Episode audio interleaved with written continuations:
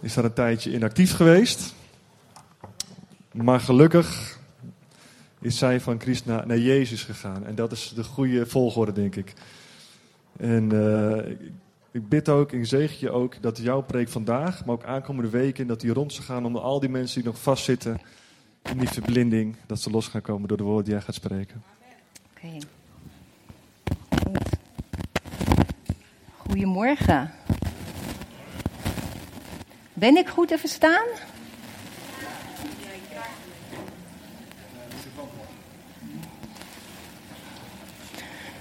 Ik ga het nog een keer proberen. Ja, nu beter. Voor de mensen die mij niet kennen, mijn naam is Marjan Salman. Ik ben getrouwd met Timo, die zit daar. En wij kerken hier in Leef. Vandaag is de eerste keer dat ik ga spreken, dus voor mij best wel heel spannend. Het eerste deel van mijn preek ga ik jullie mijn persoonlijke getuigenis geven, een stukje van mijn levensverhaal. En het tweede deel van de preek neem ik jullie mee Gods woord in. Toen ik 16 jaar was, begon ik mezelf af te vragen: wat is de zin van het leven? Ik ben opgegroeid in een katholiek gezin en we gingen elke zondag naar de kerk. Ik had drie ooms die priester waren, dus het werd me met de paplepel ingegoten. Maar ik kreeg geen antwoorden op mijn vragen in de katholieke kerk. En ik vond het daar dus niet echt. Er zaten veel oude mensen in de kerk, er waren weinig eh, jongeren. En het was meer ceremonies en tradities. En ik hoorde wel eens verhalen over Jezus, maar ik begreep er niet zoveel van. En ja, als je het niet in je eigen kerk vindt, maar als je wel op zoek bent, dan ga je het al snel in de New Age vinden, zoeken. En zo ben ik dus in aanraking gekomen met bijvoorbeeld handlijnkunde, reiki, reïncarnatietherapie. Ik wilde gewoon allerlei dingen onderzoeken, want ik was nieuwsgierig. En wat de zangeres net zo mooi zei, dat wij een verlangen hebben naar God. En dan denk ik, ja, dat sprak mij heel bijzonder aan, want heel mijn zoektocht is geboren uit een verlangen naar God. Op een gegeven moment volgde ik een opleiding voor yoga-docent. Timo en ik waren ondertussen al getrouwd. We waren vegetarisch geworden. En ik was op zoek naar een vegetarisch recept. Dus ik ging op een dag naar de bibliotheek in ons dorp. En daar zag ik tussen de kookboeken een Vedisch kookboek staan. Toen dacht ik, oh, Vedisch, dat is van de Veda's. Dat heb ik over gehoord op mijn yogaopleiding. Laat ik die mee naar huis nemen. Toen ik thuis kwam, opende ik het kookboek en dan zag ik dus dat het een kookboek was van de Hare Krishna. Nou, in eerste instantie dacht ik van, oh, als ik dat had geweten, had ik het nooit mee naar huis genomen. Want ik had een vooroordeel tegen de Hare Krishna. Misschien weten jullie wat het is, of misschien niet. Maar als jong meisje ben ik ze wel eens tegengekomen op straat in Amsterdam. Dan lopen ze met belletjes en met trommeltjes en ze zijn aan het zingen. En ze dragen gewaden, witte en oranje gewaden. De vrouwen dragen saris, dat zijn Indiaanse gewaden. En dat vond ik best wel eng. Maar goed, ik ben toch dat kookboek gaan lezen. Het was een heel hoofdstuk over waarom vegetarisch, waarom, ehm, ja, wat, wat betekent karma. En ik kreeg wel heel veel antwoorden op dingen, dus ik dacht, nou, dat vind ik toch wel heel boeiend. Toen stond er achter in het kookboek stond er een lijst met adressen waar je dan naartoe kon gaan als je eens een keertje de recepten in het kookboek wilde komen proeven. Dus wij op een zondagmiddag naar Amsterdam getogen en daar naar een tempeldienst gegaan. En ja, zo kwam dus van het een het ander. Wij hoorden daar dat er een leefgemeenschap was van de Hare Krishna in de Belgische Ardennen. Dus wij dachten, nou, dat lijkt ons leuk om daar een keer te gaan kijken. We zijn daar in een zomervakantie naartoe gegaan, hebben we daar eh, weken gestaan met onze tent. Hebben we meegedraaid in de leefgemeenschap. En tegen het einde, dat we bijna weer naar huis gingen, kwam een van de mensen die daar woonde, kwam naar ons toe en die zei tegen Timo: Goh, ik heb gehoord dat jij leerkracht bent. Heb je misschien zin om aan onze kinderen les te geven? Nou, daar hebben we goed over nagedacht. En uiteindelijk hebben we gezegd van ja, we willen dat wel. En toen hebben wij dus in Nederland ons huis verkocht. Timo heeft zijn baan opgezegd, ik ook. En toen zijn wij dus naar de Belgische Ardennen verhuisd. En onze familie was natuurlijk helemaal in shock. Die dachten, wat gaan ze nu doen? Ja, dat was best wel moeilijk. We hadden ondertussen hadden we al een, zoon van, die was drie jaar toen we erheen gingen. En we hebben een geestelijk leraar aangenomen, een guru. We hebben initiatie gekregen, een soort inwijding. En dan krijg je geestelijke namen. Dus we hebben jaren andere namen gebruikt. En we moesten tijdens onze inwijding moesten we ook beloftes afleggen. We moesten beloven dat we elke dag 16 rondes op onze kradensnoer zouden bidden.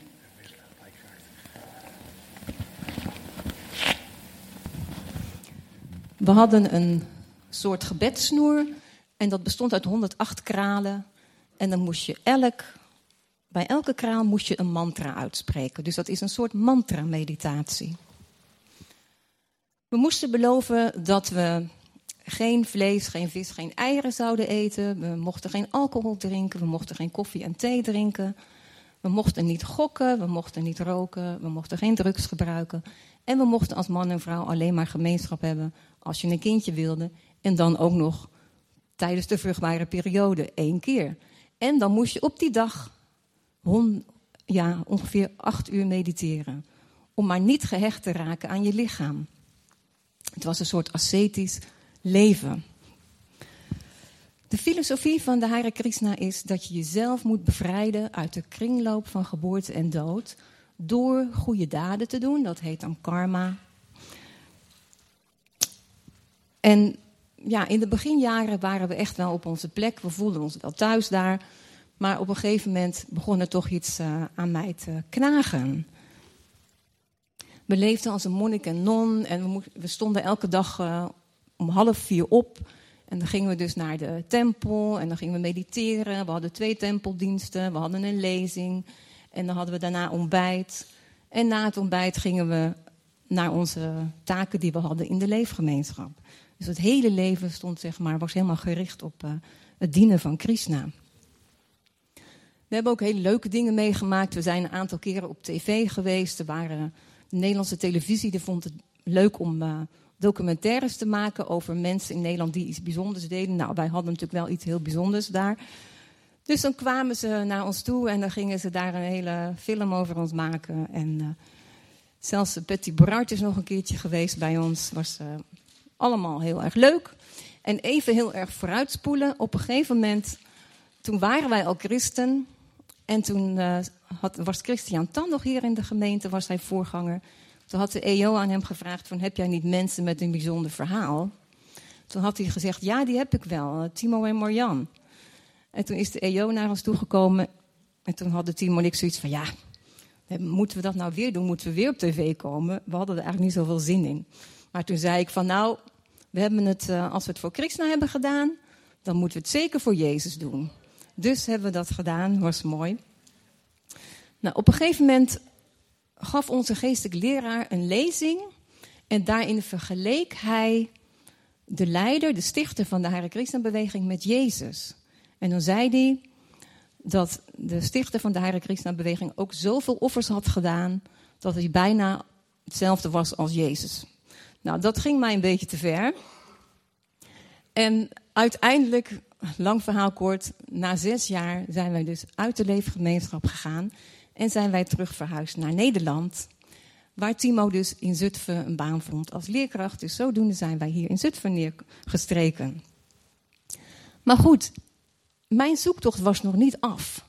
Want ik wilde wel verder met God. Maar ik wilde niet meer verder met Krishna. Ondertussen had mijn broer een relatie gekregen met een christelijke vrouw. En aangezien ik altijd heel erg geïnteresseerd ben hoe andere mensen hun geloof beleven, zijn we een keer met haar mee naar de kerk gegaan. En het sprak mij heel erg aan. Het was zo anders dan bij de Hare Krishna. Er waren heel veel jonge mensen en ze waren allemaal blij. En ja, alles was goed georganiseerd. En toen dacht ik van, nou, wel leuk zo'n kerk. Ik zou ook wel zo'n soort kerk willen in Zutphen.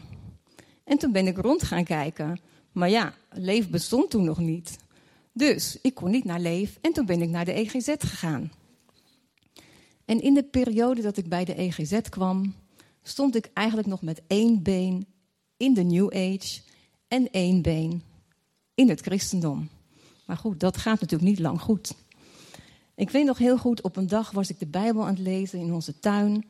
En toen las ik over alle, al die keren dat Gods volk de afgodsbeelden gaat aanbidden.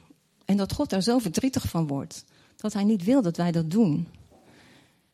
En bij de Hare Krishna worden dus allemaal beelden aanbeden. En ik heb dus zes jaar lang heb ik daar gewoond.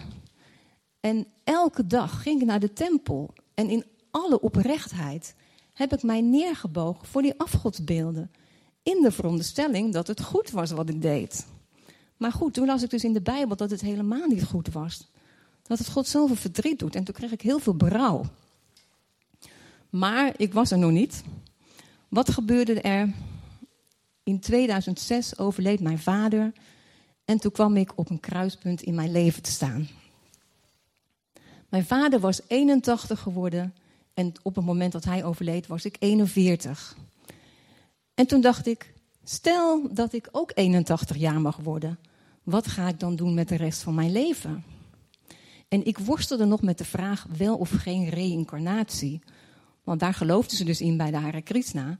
En in de New Age beweren ze ook dat er in de Bijbel sporen te vinden zijn van reïncarnatie. En nou weet ik wel dat er een tekst staat in Hebreeën 9, vers 27. Dat het is de mensen eenmaal beschikt om te sterven en daarna het oordeel.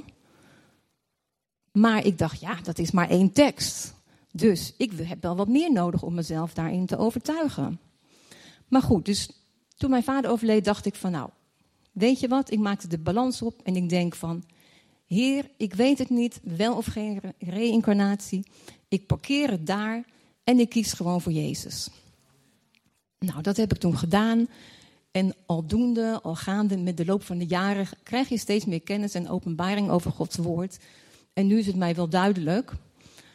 Maar goed, dat had ik toen nog niet. En drie van mijn grote levensvragen waren: waar kom ik vandaan? Wat gebeurt er als ik doodga? En waarom ben ik hier op aarde? Vandaag gaan we inzoomen op wat gebeurt er als wij doodgaan? Simpel zul je zeggen, als we doodgaan, dan ga ik naar de hemel. Ja, dat klopt. Maar er gebeurt nog zoveel meer nadat we naar de hemel zijn gegaan. Mijn vader is zes jaar lang priesterstudent geweest. Hij heeft dus op het seminarie gezeten. En ik heb hem wel eens gevraagd hoe hij dacht over wat er gebeurde na de dood. Toen zei hij: Ik geloof in de opstanding van de doden. Ik geloof dat ik met mijn eigen lichaam word opgewekt en dat ik dan als een soort engel zou rondvliegen. Nou, mijn vader is uiteindelijk geen priester geworden, anders was ik er niet geweest. Misschien mag ik de eerste dia.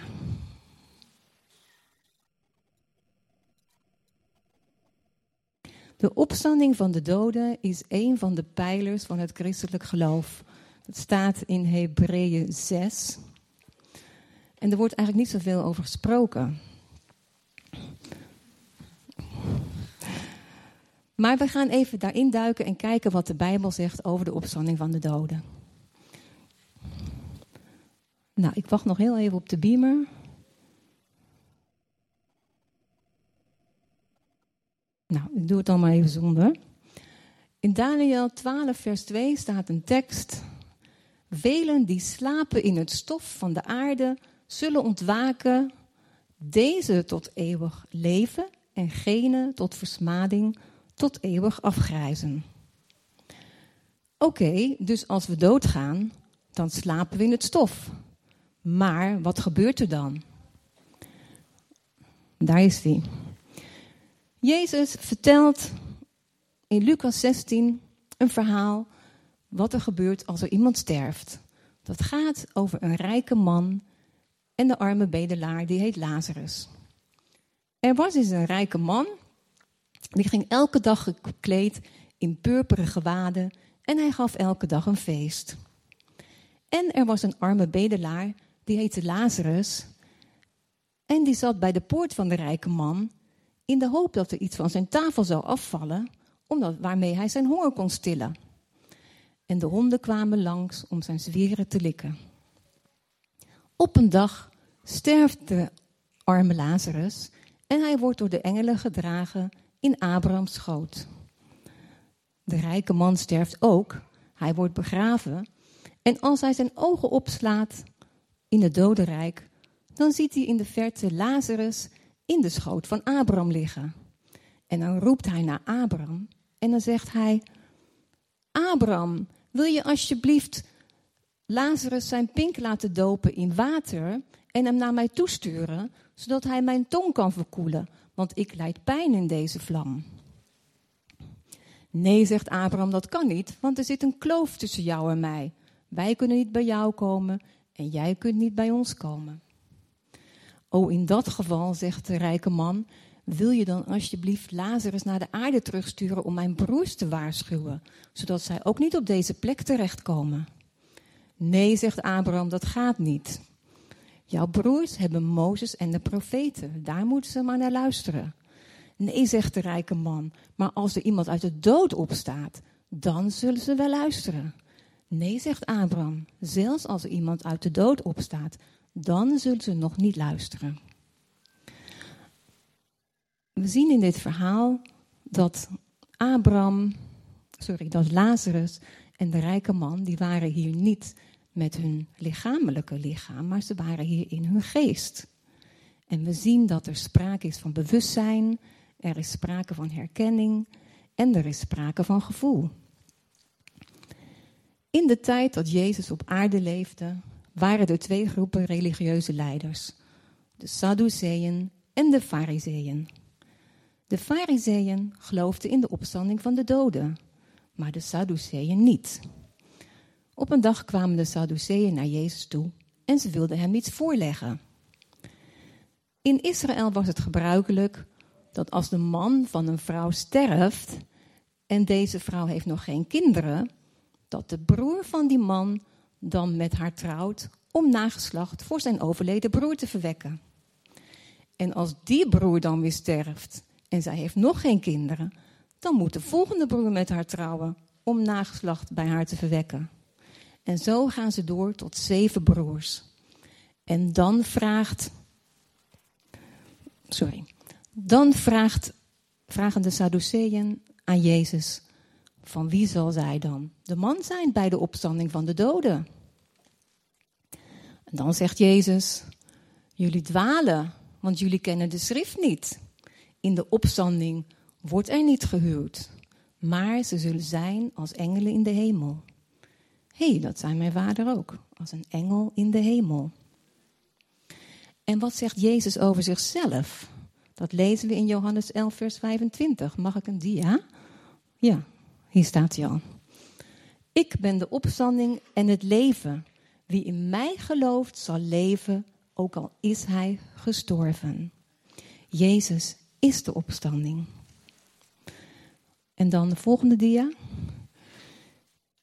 In Johannes 5, vers 28 zegt Jezus: Verwondert u hierover niet, want de uren komt dat allen die in de graven zijn, naar zijn stem zullen horen. En zij zullen uitgaan. Wie het goede gedaan hebben, tot de opstanding ten leven. Wie het kwade bedreven hebben, tot de opstanding ten oordeel. hey, en dat komt dan weer overeen met wat we net hebben gelezen in Daniel 12, vers 2. Het woordje zijn is uh, dik gedrukt. Dat verwijst naar de zoon des mensen. Want even ervoor spreekt Jezus over de zoon des mensen. Toen Timo en ik bij de Hare Krishna zaten, toen hadden wij hele goede vrienden gekregen. Ze heten Lex en Joke. En zij geloven nog steeds in reïncarnatie. Nou, ondertussen is Lex overleden en is het contact met Joke verwaterd. Ten eerste omdat Timo en ik hele andere weg zijn ingeslagen. En ook omdat ze gewoon aan de andere kant van Nederland wonen. Maar ik stuurde nog elk jaar trouw een mailtje aan haar op de sterfdag van haar man. En ik stuurde haar een mailtje altijd op haar verjaardag. Toen ik zo bezig was met de voorbereidingen van deze studie over de opstanding van de doden, toen zei ik tegen de Heer: Goh, ik wou zo graag dat Joke en Linda, dat is haar dochter, dit zouden horen. Een week later krijg ik een mailtje van Joke dat ze langs willen komen. Na 13 jaar. We hadden 13 jaar niet met elkaar afgesproken. Dus ik had echt zoiets van, nou, dat moet me iets met de opstanding van de doden te maken hebben. Dat ik dat verlangen uitspreek naar de Heer. En een week later willen ze komen. Dus ze zijn gekomen. Ik heb ze alles kunnen vertellen over de opstanding van de doden. En ik heb gezegd, Jezus is de weg, de waarheid en het leven. Niemand komt tot de Vader dan door Hem. Ja, zegt Joke, maar alles is naar plaats, tijd en omstandigheden. Ik zeg, denk je nou werkelijk dat als er ook een andere manier zou zijn voor de mensen om tot God te komen, dat Jezus dan aan het kruis zou zijn gegaan? Dat hij dan zo'n groot offer had gebracht? Er staat nergens in de Bijbel dat we ook door Boeddha of door Krishna tot God kunnen komen. Ik weet niet wat voor uitwerking dit zal hebben in hun leven, maar ik heb Gods woord gesproken. En Gods woord is als een tweesnijdend zwaard. Het heeft bij mij ook gewerkt. Iemand had die tekst ook tegen mij verteld. En uiteindelijk ben ik daar ook in gaan geloven. Dus we gaan het zien met de tijd. We gaan verder met 1 Korinthus 15, vers 20. Want zoals de dood er is door één mens, zo is ook de opstanding van de doden door één mens. Want evenals in Adam allen sterven, zo zullen ook in Christus allen levend gemaakt worden. Dus in Adam sterft iedereen, in Christus wordt iedereen levend gemaakt. Gaan we verder. Want zoals de. Nee, sorry. 1 Korinthe 15, volgende dia. Maar ieder in zijn eigen rangorde. Christus als eersteling. Vervolgens die van Christus zijn bij zijn komst. Daarna het einde. Wanneer hij het koningschap aan God de Vader overdraagt. En wanneer hij alle heerschappij alle macht en alle kracht ontroond zal hebben. In deze tekst onderscheiden we drie fases.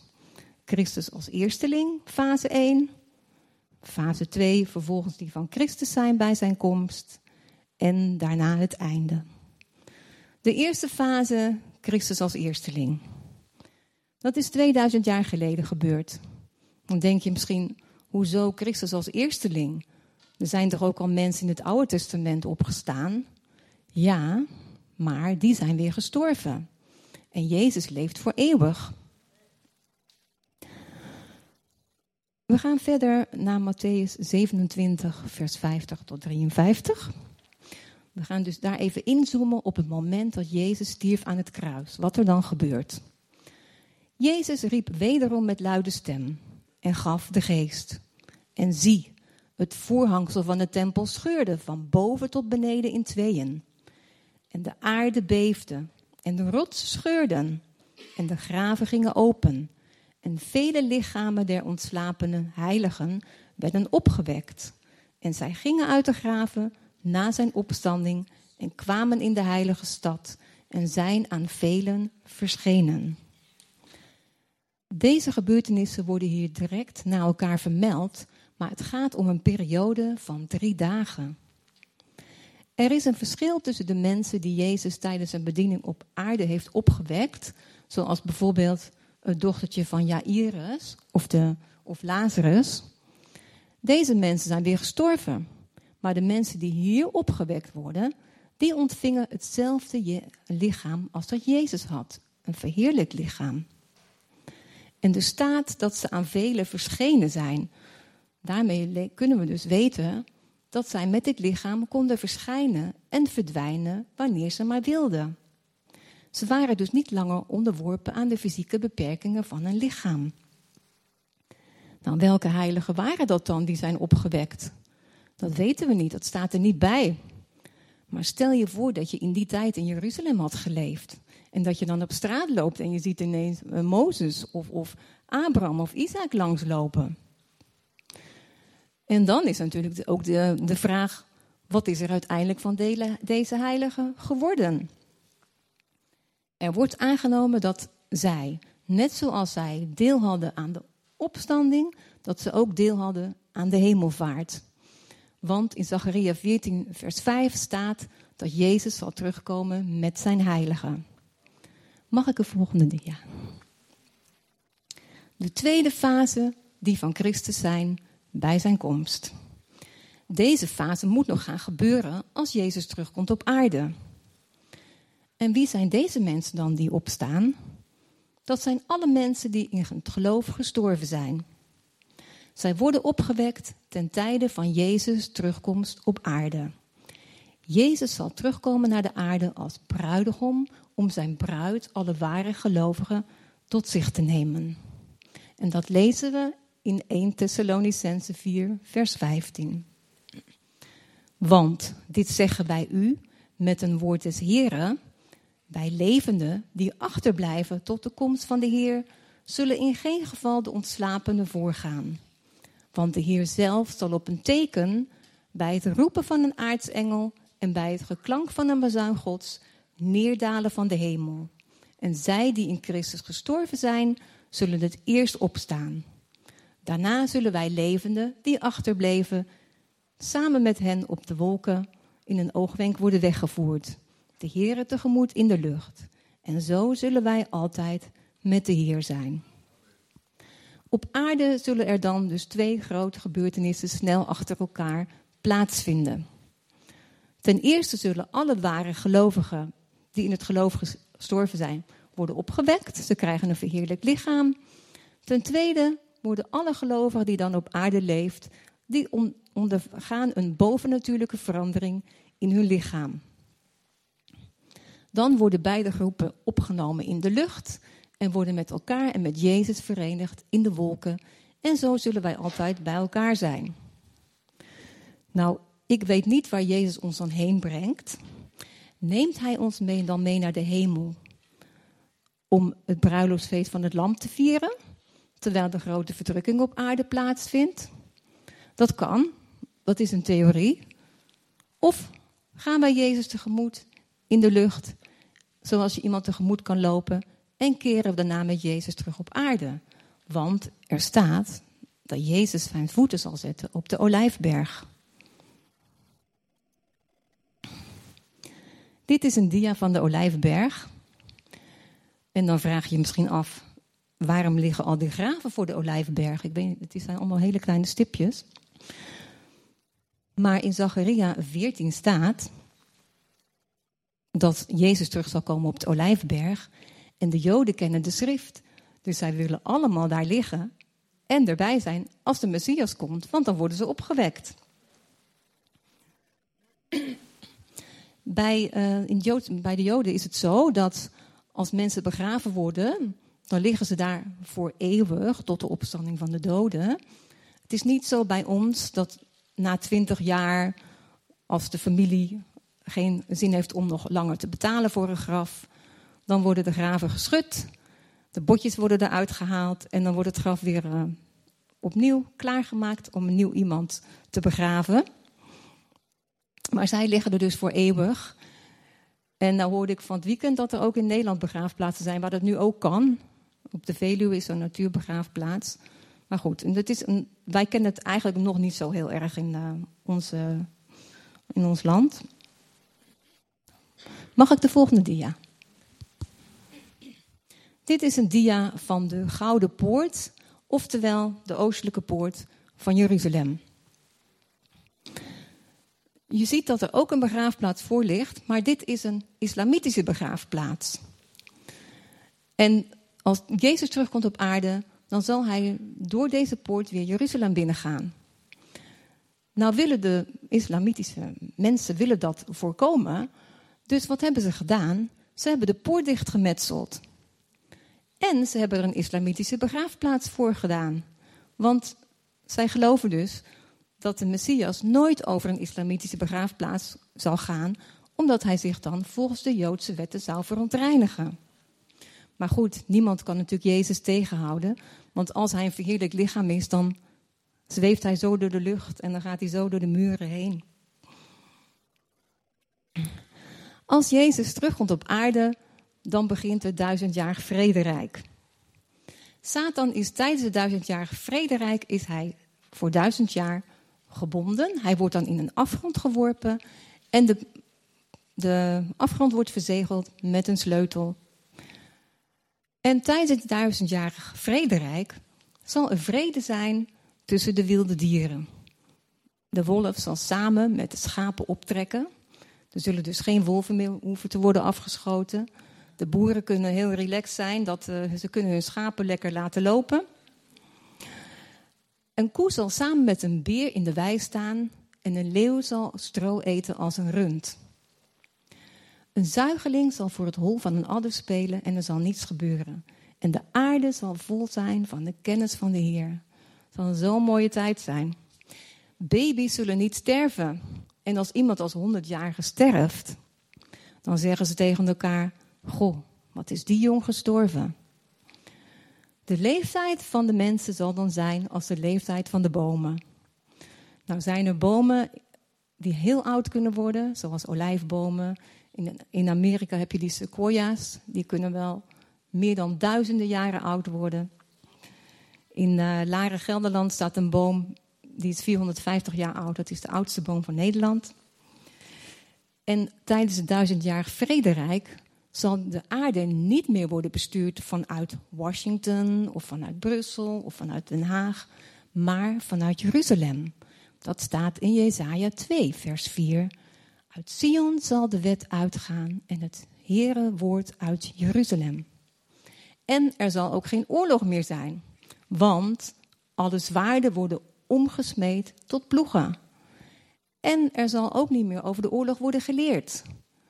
Nu zie je in Israël Palestijnse kindjes worden met de paplepel ingegoten om Joden te haten. En er wordt hun zelfs geleerd dat het goed is als er een Jood wordt vermoord.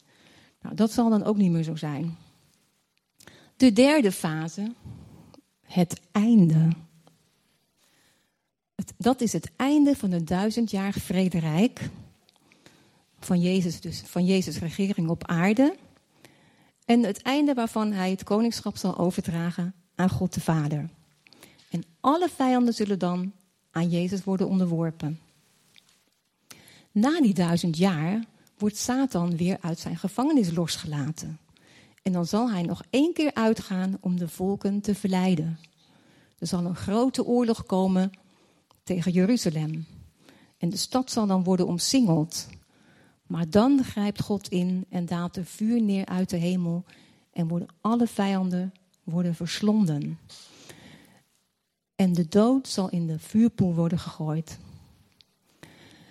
In Openbaring 20, vers 11 tot 15, wordt de opstanding van de overgebleven doden beschreven. Daarin kunnen we lezen: God de Vader zit op een grote witte troon. En voor de troon staan alle doden. Er worden boeken geopend. En er wordt nog een ander boek geopend, het boek van het leven. En in ieder wordt geoordeeld op grond van hetgeen er in de boeken staat. En de zee geeft de doden die in haar zijn. En de dood en het dodenrijk geven de doden die in hem zijn. En in ieder wordt geoordeeld op grond van zijn daden. En de dood en de dodenrijk worden in de vuurpoel gegooid. Dat is de tweede dood. En een ieder die niet in het boek van het leven staat, wordt geworpen in de vuurpoel. Nou, aangezien het in een lichaam is dat mensen daden van goed en kwaad hebben gedaan, moeten ze ook met hun lichaam voor God verschijnen om het oordeel over hun daden te horen. De opstanding van de doden is de tegenhanger van reïncarnatie. Dus als je ooit iemand spreekt die in reïncarnatie gelooft, en er lopen nogal wat mensen rond die daarin geloven, dan kun je zeggen: hé, hey, maar weet je dan niet dat er aan het einde van de tijden een opstanding van de doden zal zijn? Dat, een, dat iedereen met het lichaam waarmee hij op aarde heeft geleefd voor God zal moeten verschijnen. Reïncarnatie leert dus dat je jezelf moet bevrijden uit de kringloop van geboorte en dood Dat je allerlei levens moet doorlopen voordat je dan bevrijd kan worden. Je moet het zelf opklimmen naar God, je moet het zelf verdienen.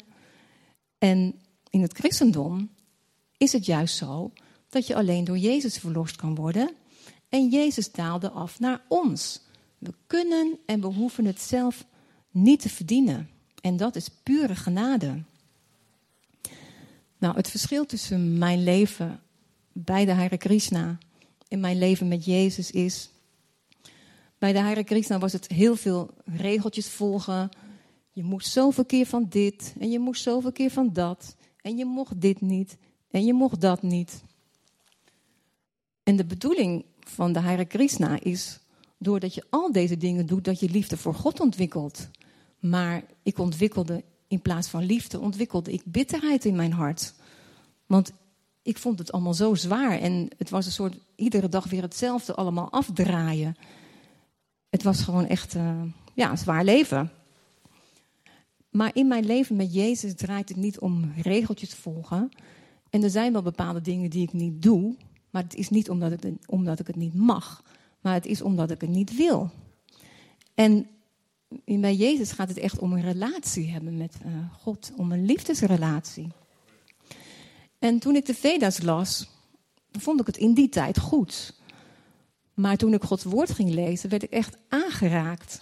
Soms lees ik iets en dan kan ik gewoon heel geëmotioneerd raken. Dan kan ik gaan huilen of dan voel ik Gods aanwezigheid of ik voel heel veel vreugde, vreugde of dankbaarheid. En daaraan merkte ik dat Gods woord levend is en krachtig. Het werkt heel anders en het, het, het, ja, het dringt helemaal door tot in je botten, tot in je ziel, tot in je geest. Nou, we gaan nog heel even terug. Want ik had dus gezegd dat de dood en de dodenrijk in de vuurpoel worden gegooid. Maar hoe kunnen, die, hoe kunnen zij daar nou in worden gegooid? Dat lezen we in Openbaring 6, vers 8. En ik zag en zie een vaal paard en die daarop zag, zat. Zijn naam was de dood en de dodenrijk volgde achter hem. Hier lezen we dat dus de dood en de dodenrijk personen zijn. Want hoe kunnen ze anders op een paard rijden? Nou, in films zie je wel eens dat de dood wordt vertolkt als een soort magere hein. In bepaalde betekenis is dood een toestand, het ophouden van leven. Maar in een ander opzicht is dood dus een duistere engel, een dienaar van Satan, die de geest opeist van elke onrechtvaardige die sterft. Hetzelfde geldt voor de dodenrijk. Het dodenrijk is een plaats waar de heengegaande geesten verblijven. Maar in een ander opzicht is het dodenrijk een duistere engel, een dienaar van Satan, die de dood op de hielen volgt. En dan begrijpen we ook beter de tekst die Jezus spreekt in Johannes 8, vers 51. Ik zeg u, indien iemand mijn woord bewaard heeft, hij zal de dood in eeuwigheid niet aanschouwen. Jezus zegt hier niet dat de gelovige niet lichamelijk zal sterven. Hij zegt dat de gelovige, de duistere engel, de dood nooit zal zien. Hij bedoelt daarmee dat wij dus als gelovigen, wanneer wij ons lichaam verlaten hebben, dat wij nooit onder de heerschappij zullen komen van deze twee duistere engelen, de dood en de dodenrijk. Wij zullen ze niet zien. En dan 1 Corinthians 15, vers 26. De laatste vijand die ontroond wordt, is de dood. En dan komt de prachtige climax in het boek Openbaringen, en dat is tegelijkertijd het eind van de Bijbel, waarin het hemels Jeruzalem uit de hemel neerdaalt op aarde. God komt bij ons mensen wonen en hij zal de tranen van onze ogen afwissen en de dood zal er niet meer zijn. Dus onze uiteindelijke bestemming is niet de hemel, maar het hemelse Jeruzalem op aarde. Er zal dus een nieuwe hemel en een nieuwe aarde komen. En we zullen weer op aarde wonen. En de bouwstof van de muren van deze stad is van diamant. En de stad is van puur goud. En er zal geen onrechtvaardige binnenkomen in de stad. Alleen de mensen die geschreven staan in het boek van het leven. En dan zo'n mooie tekst, die doe ik als uh, soort toetje, want die tekst raakt mij altijd heel erg. Openbaring 21, vers 22. En een tempel zag ik in haar niet, want de Heere God, de Almachtige, is haar tempel en het lam. En de stad heeft het licht van de zon en maan niet nodig, want de heerlijkheid van God verlicht haar. En haar lamp is het lam. We hebben een geweldige toekomst om naar uit te kijken.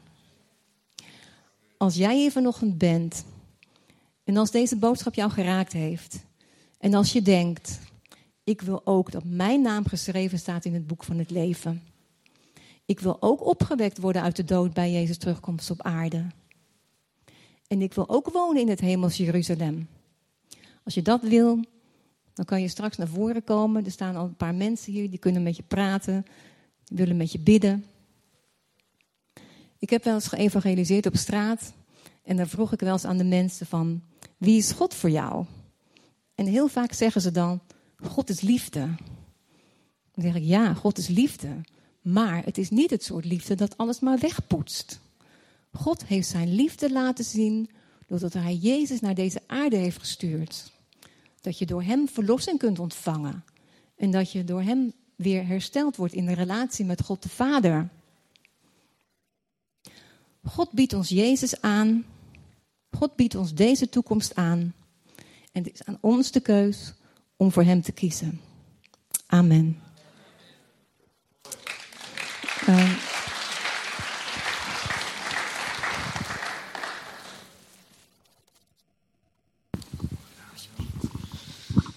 Nou, dankjewel voor je inspirerende woorden. En uh, dat schijnt